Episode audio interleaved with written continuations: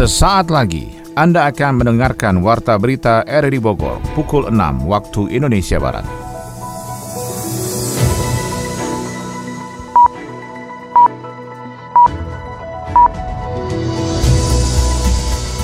Selamat pagi, kami kembali menyapa Anda dalam Warta Berita edisi hari ini, Kamis 22 April 2021. Siaran kami pagi ini bisa Anda dengarkan juga melalui audio streaming dalam aplikasi RRD Play pada smartphone Anda dan juga bisa disiarkan dari Radio Toga Beriman Kabupaten Bogor, Jawa Barat.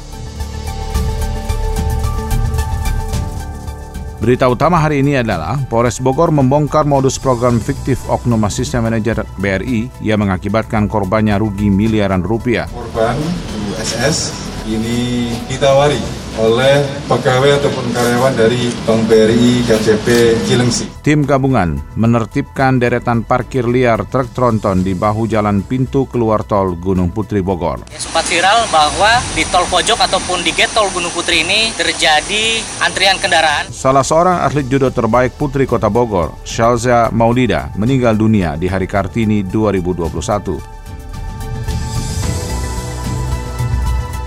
Bersama saya Maulana Esnarto, inilah Warta Berita selengkapnya.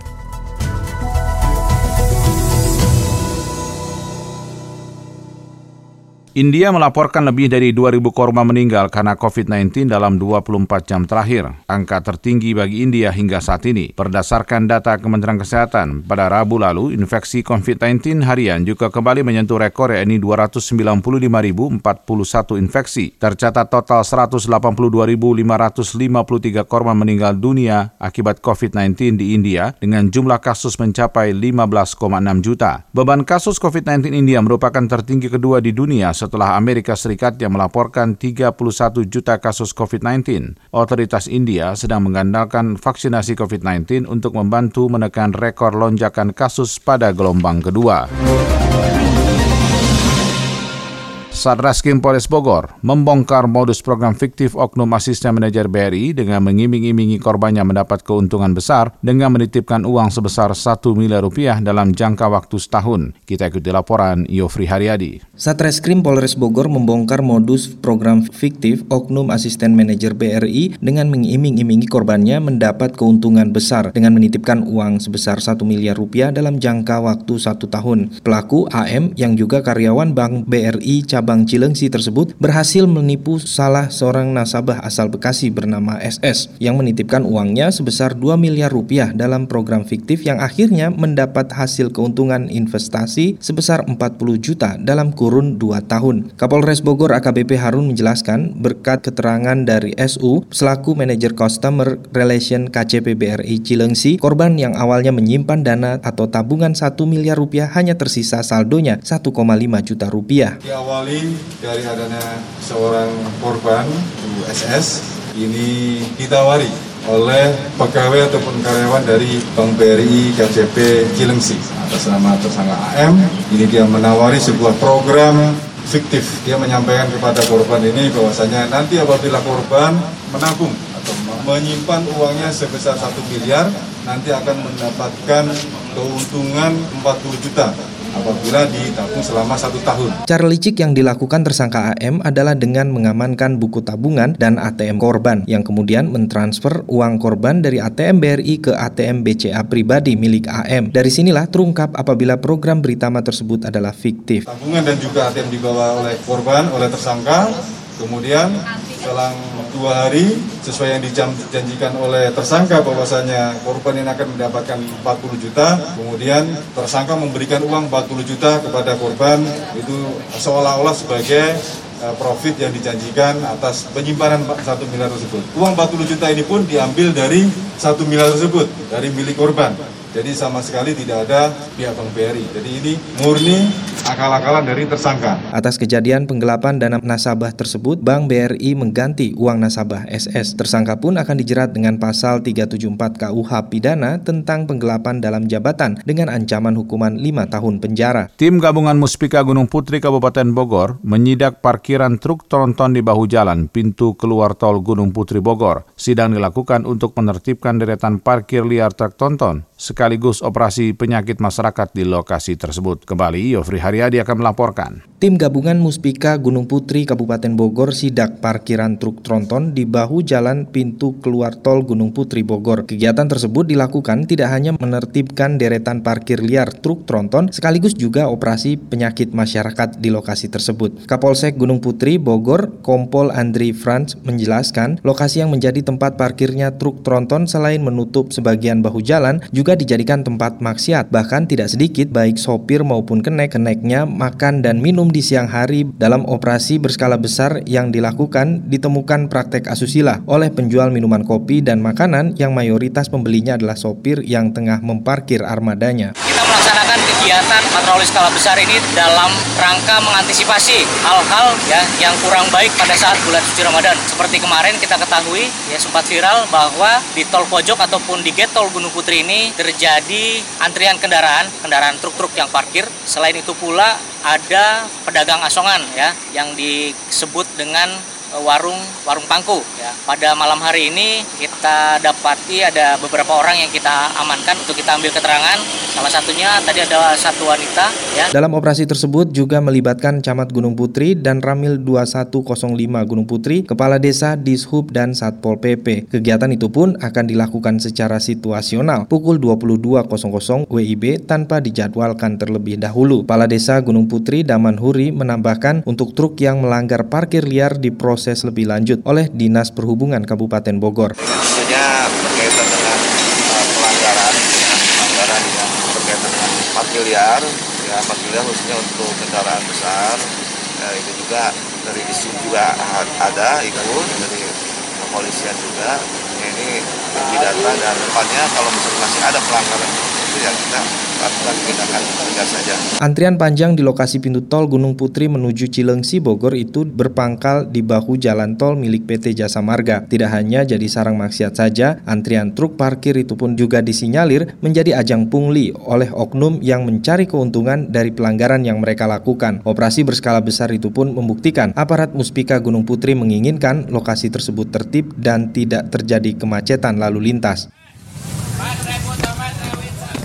Bu, bu, beli cabe, bawang, wortel, kentang sama tomatnya satu kilo satu kilo ya bu? Iya, iya sabar, antri, cerewet amat sih. Nih, nih belanjaannya. Loh, gimana bawanya nih bu? Mana kantong plastiknya? Maaf, sekarang kan sudah dilarang untuk menggunakan kantong plastik. Dilarang? Ya udah deh, kalau gitu kantong plastiknya saya beli aja. Ih si teteh, bukan masalah dibelinya. Tahu nggak kalau sampah plastik tiap tahunnya numpuk sampai ribuan ton. Kan sampah plastik didaurnya susah. Udah gitu lama sampai ratusan tahun. Hm, gitu. Makanya kalau mau belanja bawa tas sendiri, aman dan hemat kan? Stop penggunaan kantong plastik untuk menjaga lingkungan dan bumi kita.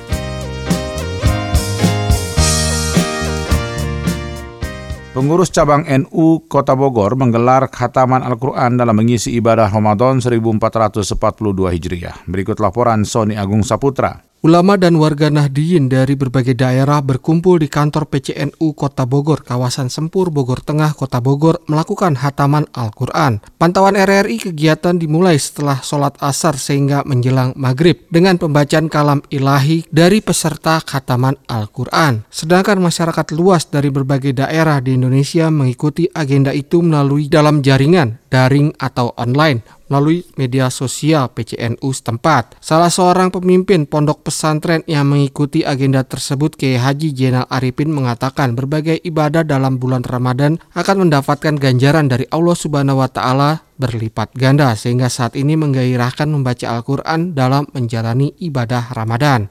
Kalau bicara soal keutamaan saja ketika kita baca Quran apa 30 juz mungkin sampean tahu apa yang tertera. Yang tadi ada slogan 60 ribu malaikat itu mendoakan kebaikan. Apalagi yang memangnya di bulan Ramadan. Ya gerakan baca Quran ini sebetulnya harus diawali dan dimulai dari para tokoh ya.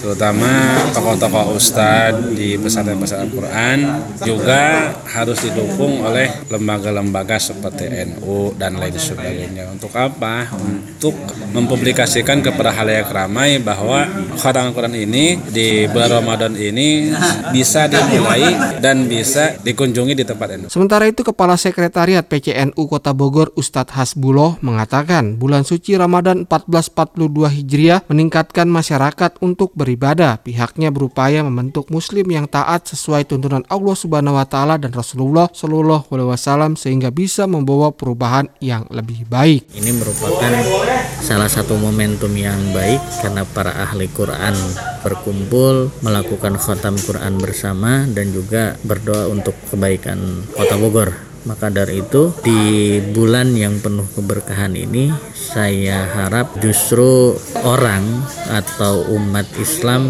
itu lebih meningkatkan kecintaannya kepada Quran karena bulan Ramadan ini juga disebut dengan Syahrul Quran yaitu bulannya Al-Quran di mana pertama kali diturunkannya Al-Quran adalah di bulan Ramadan. Maka dari itu para ahli Quran ini berkumpul untuk menjadikan Al-Quran sebagai bagian daripada kehidupan sehari-hari mereka yaitu mereka memang para penghafal Al-Quran yang selalu mendawamkan kajian dan juga membaca Al-Quran sampai khotam. Selanjutnya PCNU akan menggelar kegiatan serupa dalam bulan penuh ampunan ini agar bisa menyiarkan ajaran Islam yang penuh kedamaian kepada semua umat manusia dan alam semesta. DPRD Kota Bogor akan lebih selektif dalam membahas usulan rancangan peraturan daerah, sehingga perda yang dihasilkan nantinya betul-betul memiliki kualitas. Laporan disampaikan Muklis Abdullah. Tidak dipungkiri kalau selama ini keberhasilan kinerja para wakil rakyat di DPRD antara lain ditunjukkan dengan seberapa banyak peraturan daerah perda yang dihasilkan. Alhasil prestasi DPRD antara lain diukur dari kuantitas perda yang dihasilkan tersebut. Di Kota Bogor, DPRD setempat di bawah kepemimpinan Atang Trisnanto takkan menjadikan kuantitas perda yang dihasilkan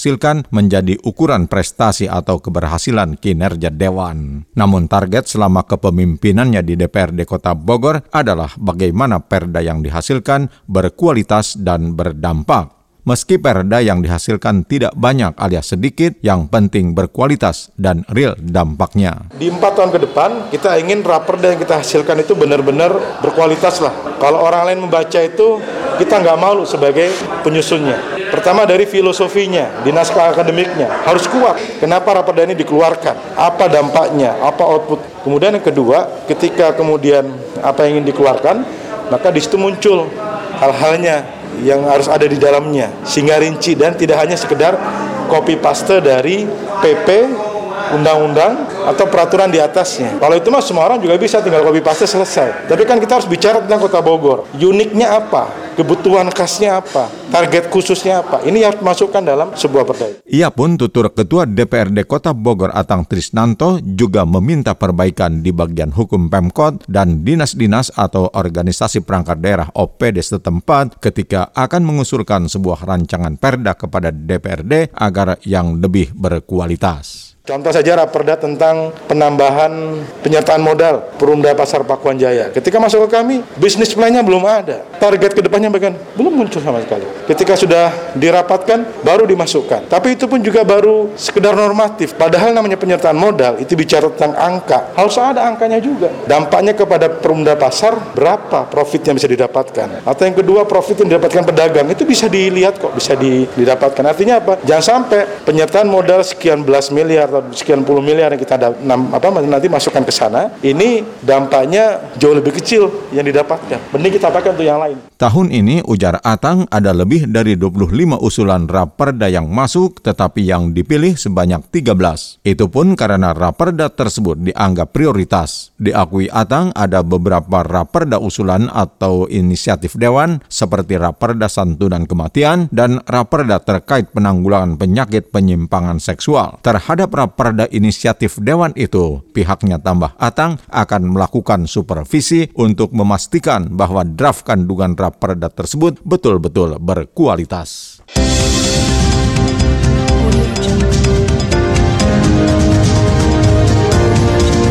Anda tengah mendengarkan Warta Berita RRI Bogor. Kita beralih ke informasi ekonomi. Pemerintah akan menahan impor beras hingga akhir tahun apabila produksi beras di Indonesia baik. Suku bunga kredit mulai mengalami penurunan sejalan dengan turunnya bunga acuan ke level 3,5 yang merupakan terendah sepanjang sejarah. Kadin Jawa Barat mengajak masyarakat dan dunia untuk berinovasi menciptakan lapang kerja dalam rangka mencetak pengusaha baru. Tiga berita tersebut akan terangkum dalam Info Ekonomi bersama Adi Fajar Nugraha. Presiden Joko Widodo mengatakan pemerintah akan menahan impor beras hingga akhir tahun jika produksi beras di Indonesia bagus. Jokowi menegaskan bahwa pemerintah sebenarnya tidak ingin melakukan impor beras, namun terkadang keinginan itu kalah dengan data produksi yang ada. Jokowi mengatakan Indonesia akan impor beras jika terjadi suatu keadaan darurat yang memaksa. Sebelumnya, wacana pemerintah mengimpor beras banyak menuai pro dan kontra khususnya bagi petani. Namun pemerintah terus berupaya membangun sebuah pertanian yang semakin baik produksinya dan diharapkan padi akan menjadi sebuah ketahanan pangan bagi negara Indonesia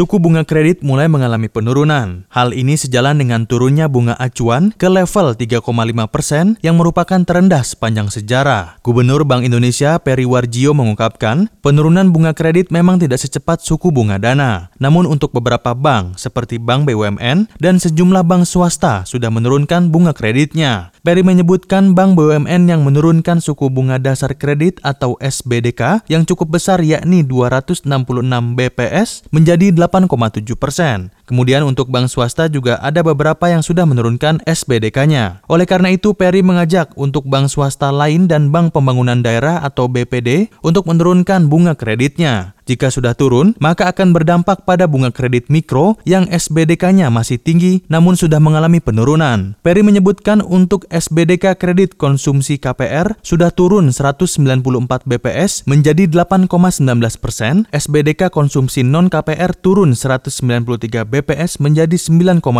persen, lalu SBDK korporasi turun menjadi 8,26 persen. BI berupaya untuk terus mendorong perbankan agar bisa segera menurunkan bunga kredit untuk untuk mendorong peningkatan kredit di perbankan.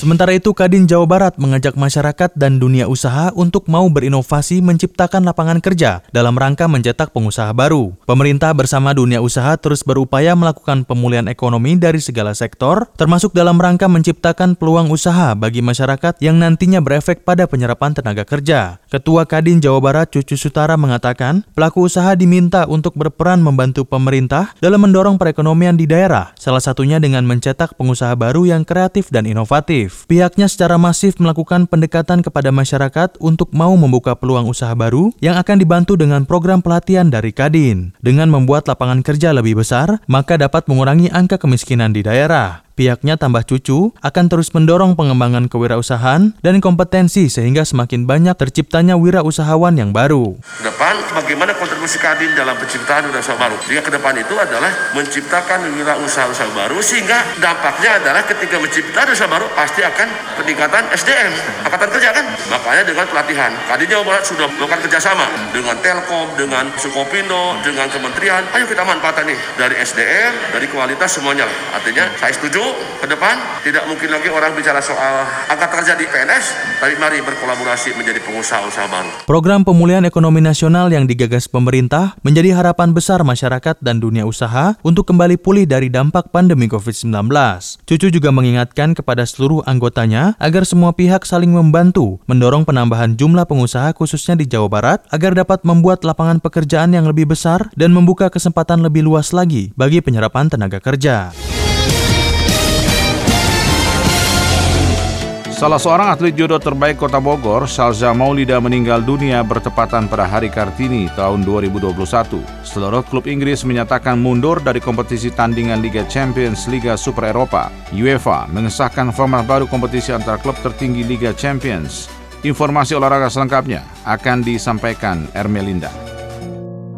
Kabar duka datang dari dunia olahraga Kota Bogor. Salah satu atlet judo terbaik putri Kota Bogor, Salsa Maulida meninggal dunia Rabu bertepatan dengan Hari Kartini 21 April 2021. Peraih juara pekan olahraga daerah Porda tiga kali berturut-turut tersebut menghembuskan nafas terakhir setelah menderita sakit. Berdasarkan informasi yang diperoleh dari Sekretaris Umum Pengcap Persatuan Judo Seluruh Indonesia PJSI Kota Bogor, Yudi Wahyudi, Salsa Maulida meninggal dunia karena sakit di rumah duka di Kompleks Perumahan Universitas Unitex Kelurahan Sindang Rasa, Kecamatan Bogor Timur, Kota Bogor. Kepergian almarhum Salsa Maulida untuk selama-lamanya meninggalkan luka yang mendalam bagi keluarga tercinta, juga keluarga besar pengurus cabang PJSI Kota Bogor, Pengprov PJSI Jawa Barat maupun PBPJSI Pusat. Almarhum adalah sosok atlet yang sangat disiplin dan bertanggung jawab serta sangat taat beribadah. Apalagi almarhum kelahiran 13 Agustus 1996 silam merupakan salah satu atlet andalan yang juga memegang komitmen dalam mencapai target prestasi di setiap event yang diikutinya selama hidupnya. Adapun catatan prestasi yang diraih almarhum semasa hidupnya di antaranya juara 3 SEA Games 2015, juara 1 PON 19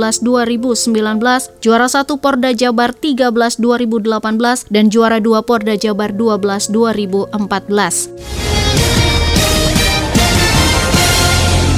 Berita lainnya dari sepak bola mancanegara. Seluruh klub Inggris yang pada 18 April lalu serempak mengumumkan pembentukan Liga Super Eropa pada Rabu dini hari waktu Indonesia Barat secara bergantian menyatakan mundur dari kompetisi tengah tandingan Liga Champions tersebut. Keenam tim tersebut adalah Arsenal, Chelsea, Liverpool, Manchester City, Manchester United, dan Tottenham Hotspur yang sebelumnya menjadi bagian dari tiga tim Italia dan tiga tim Spanyol serta menyatakan diri sebagai pendiri Liga Super Eropa. Chelsea menjadi tim pertama pertama yang dilaporkan sudah menyiapkan dokumen pengunduran diri. Namun City menjadi klub Inggris pertama yang secara resmi mengumumkan mereka tengah menempuh proses yang dibutuhkan untuk mengundurkan diri dari Liga Super Eropa. Tidak lama berselang, Arsenal, Liverpool, MU, dan juga Tottenham merilis pernyataan mundur mereka di laman resmi masing-masing. Dengan perkembangan terbaru ini, Liga Super Eropa hanya menyisakan tiga klub Italia, AC Milan, Inter Milan, dan Juventus,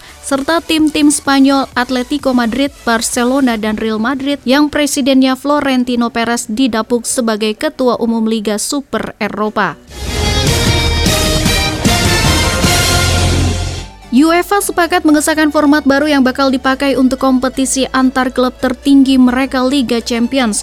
Perbedaan paling mendasar pada liga yang bakal bergulir musim 2024 dan 2025 tersebut adalah pertambahan empat peserta dan dihapuskannya format pembagian grup sehingga Liga Champions akan diikuti 36 tim dalam Liga Tunggal. Dalam format baru yang lebih dikenal sebagai Swiss Model, setiap tim peserta akan memainkan empat pertandingan lebih banyak dibandingkan format penyisihan grup reguler. Setiap tim tidak lagi berhadapan satu sama lain dua kali kandang tandang dalam fase penyisihan penyisihan, melainkan bertanding 10 kali melawan 10 tim berbeda. Separuhnya dimainkan di kandang dan sisanya tandang. Setelah setiap tim main 10 kali, 8 tim peringkat teratas akan otomatis lolos ke babak 16 besar. Sedangkan tim peringkat ke-9 sampai dengan ke-24 akan memasuki putaran playoff menentukan 8 tim 16 besar lainnya. Sedangkan tim peringkat ke-25 hingga juru kunci akan tersingkir dari kompetisi Eropa musim tersebut. Mulai putaran 16 besar, format format kompetisi akan menggunakan babak gugur yang berlaku saat ini. UEFA menyatakan format Liga Tunggal dengan aturan serupa di atas juga akan diberlakukan secara berkala untuk Liga Eropa serta Liga Conference kompetisi kasta ketiga Eropa yang rencananya mulai bergulir musim 2021-2022.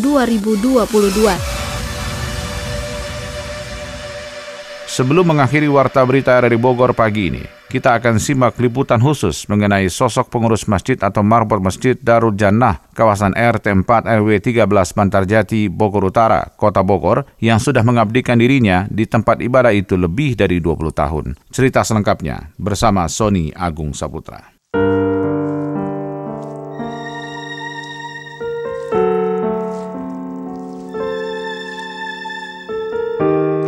Ya itu aja saya mau itu ngurus budget ini ya. Sebetulnya itu mah kenyanya keriduan diri saya sendiri gitu ya. Yang gaji mau itu hanya Allah subhanahu wa ta'ala yang gitu. Allahumma salli ala Sayyidina Muhammad wa ala alihi wa sahbihi wa salim Allahumma salli ala Muhammad Ya Rabbi salli alaihi wa sallim Dadang Ahmad merupakan sosok pengurus atau merebut Masjid Darul Janah kawasan RT 4 RW 13 Bantar Jati Bogor Utara Kota Bogor yang sudah mengabdikan diri pada tempat ibadah tersebut lebih dari 20 tahun.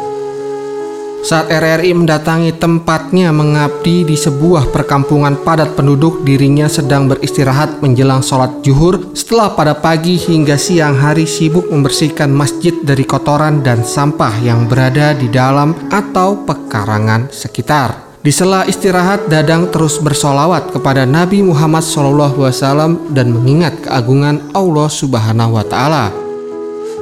Setiap pagi Dadang mengurus masjid seorang diri melakukan pekerjaan pembersih lingkungan mulai dari menyapu hingga mencuci karpet di pelataran masjid. Bahkan dirinya yang saat ini sudah menginjak 66 tahun itu juga terkadang menjadi muazin yang mengumandangkan azan seruan memanggil sholat lima waktu. Tim liputan RRI berkesempatan melakukan wawancara singkat dengan Marbot Masjid Darujana Dadang Ahmad yang rela mengurus tempat ibadah itu dengan hanya bayaran 100 ribu per bulan yang malah terkadang tidak mendapatkan apa pun sehingga dirinya percaya Allah Subhanahu wa taala yang menggajinya sebagai atasan.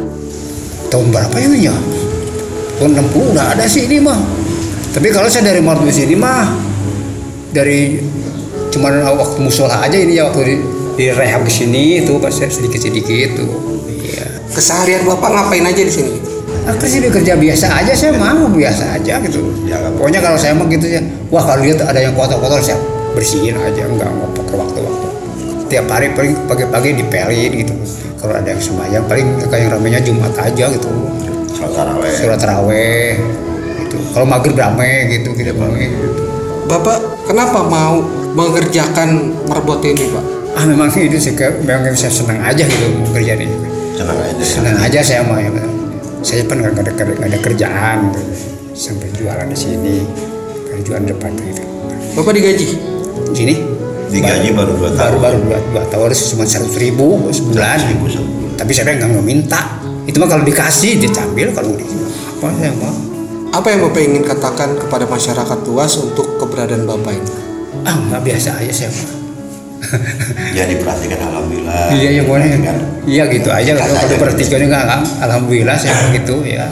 Baik terima kasih Bapak Dadang Sosok Dadang yang rela melakukan berbagai hal untuk menjaga dan merawat masjid ternyata mendatangkan kekaguman luar biasa dari toko aparatur setempat hingga warga sekitar. Sifatnya yang rendah hati dan ramah saat bekerja merawat masjid menjadikan panutan bagi warga yang berada di perkampungan dengan beragam etnis dan budaya masyarakatnya. Ketua RW 13 Kelurahan Bantar Jati, Bogor Utara, Kota Bogor, Wiwin Junaidi mengungkapkan, hanya bisa mendoakan agar sang penjaga masjid Dadang tetap mendapatkan kekuatan dalam menjalani tugas. Pemberian upah tidak memadai namun semangat kerja dalam menjaga masjid itu sangat luar biasa. Terlebih saat bulan Ramadan dengan banyaknya kegiatan dari mulai dini hari sampai malam hari dengan hampir 24 jam beribadah di masjid namun tetap terjaga kebersihan. Pak Dadang orangnya rajin, simpel, tanggung jawab, bekerja penuh keikhlasan itu aja. Untuk menaik perhatian gaji itu baru sekitar 2 tahun itu dari DKM itu pun nggak seberapa hanya 100 ribu. Ya, intinya beliau ikhlas mengerjakan Warga sekitar yang berada di gang sempit di tengah hiruk pikuk kota Bogor dengan beragam dinamika itu sangat bersyukur dengan keberadaan sang marbot Dadang. Salah seorang warga sekitar Nurmilawati mengaku jika tidak ada Dadang maka kondisi tempat ibadah akan seperti tempat wilayah sekitar yang kumuh dan kotor. Saat sore hari anak kecil tidak jarang menjadikan pelataran masjid yang berhimpitan dengan jalan lingkungan sebagai area bermain. Begitupun saat hujan turun maka daerah perkampungan yang sebagian besar belum beraspal membuat halaman menjadi becek dengan cipratan tanah dan air hujan. Itu aja ya, dia mungkin ya karena mana udah sepuh juga tapi eh, peduli banget ya.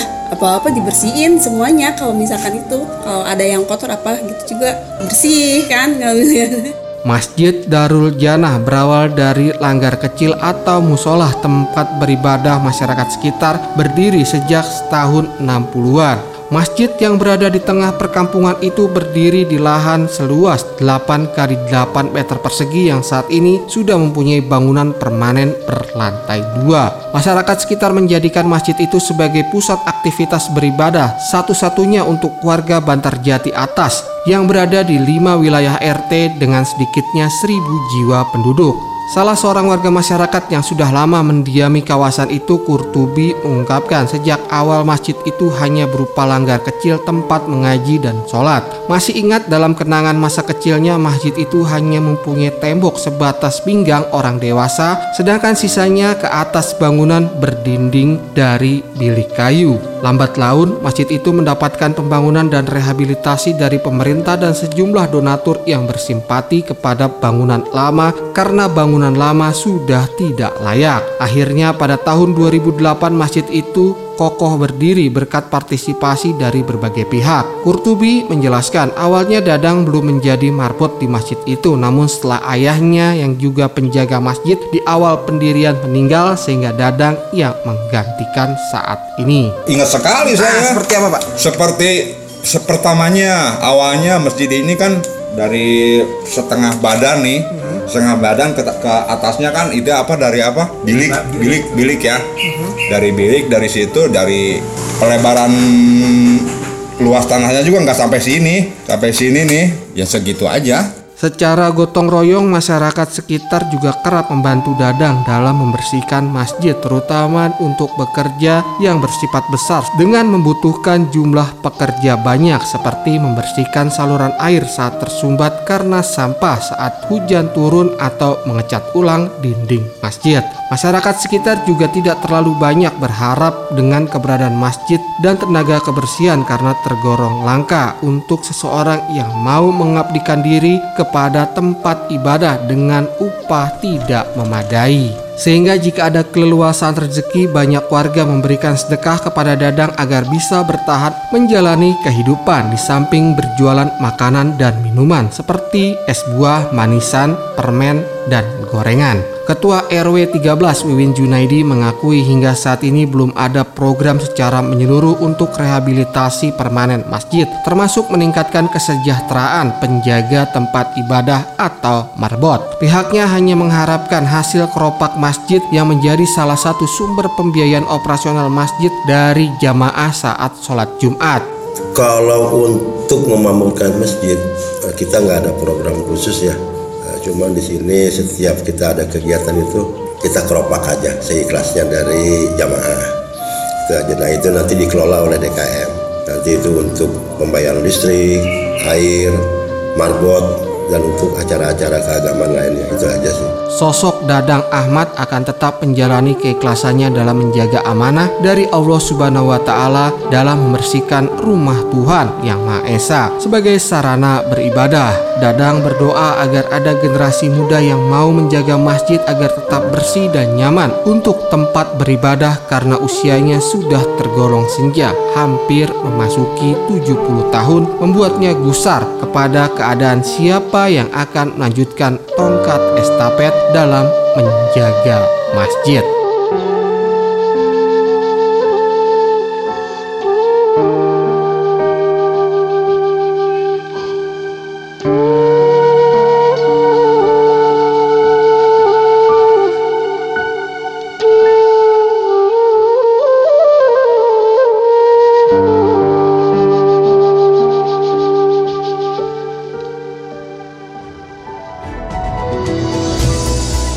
Demikian rangkaian informasi yang kami hadirkan dalam Warta Berita di edisi hari ini. Sebelum berpisah kembali kami sampaikan berita utama. Polres Bogor berhasil membongkar modus program fiktif oknum asisten manajer Berry yang mengakibatkan korbannya rugi miliaran rupiah. Tim gabungan menerjukan deretan parkir liar truk tronton di bahu jalan pintu keluar tol Gunung Putri Bogor. Salah seorang atlet judo terbaik kota Bogor, Shalza Maulida, meninggal dunia di Hari Kartini 2021. Saya Maulana Estarto, mewakili kerabat kerja bertugas mengucapkan terima kasih atas perhatian Anda. Selamat pagi, sampai jumpa.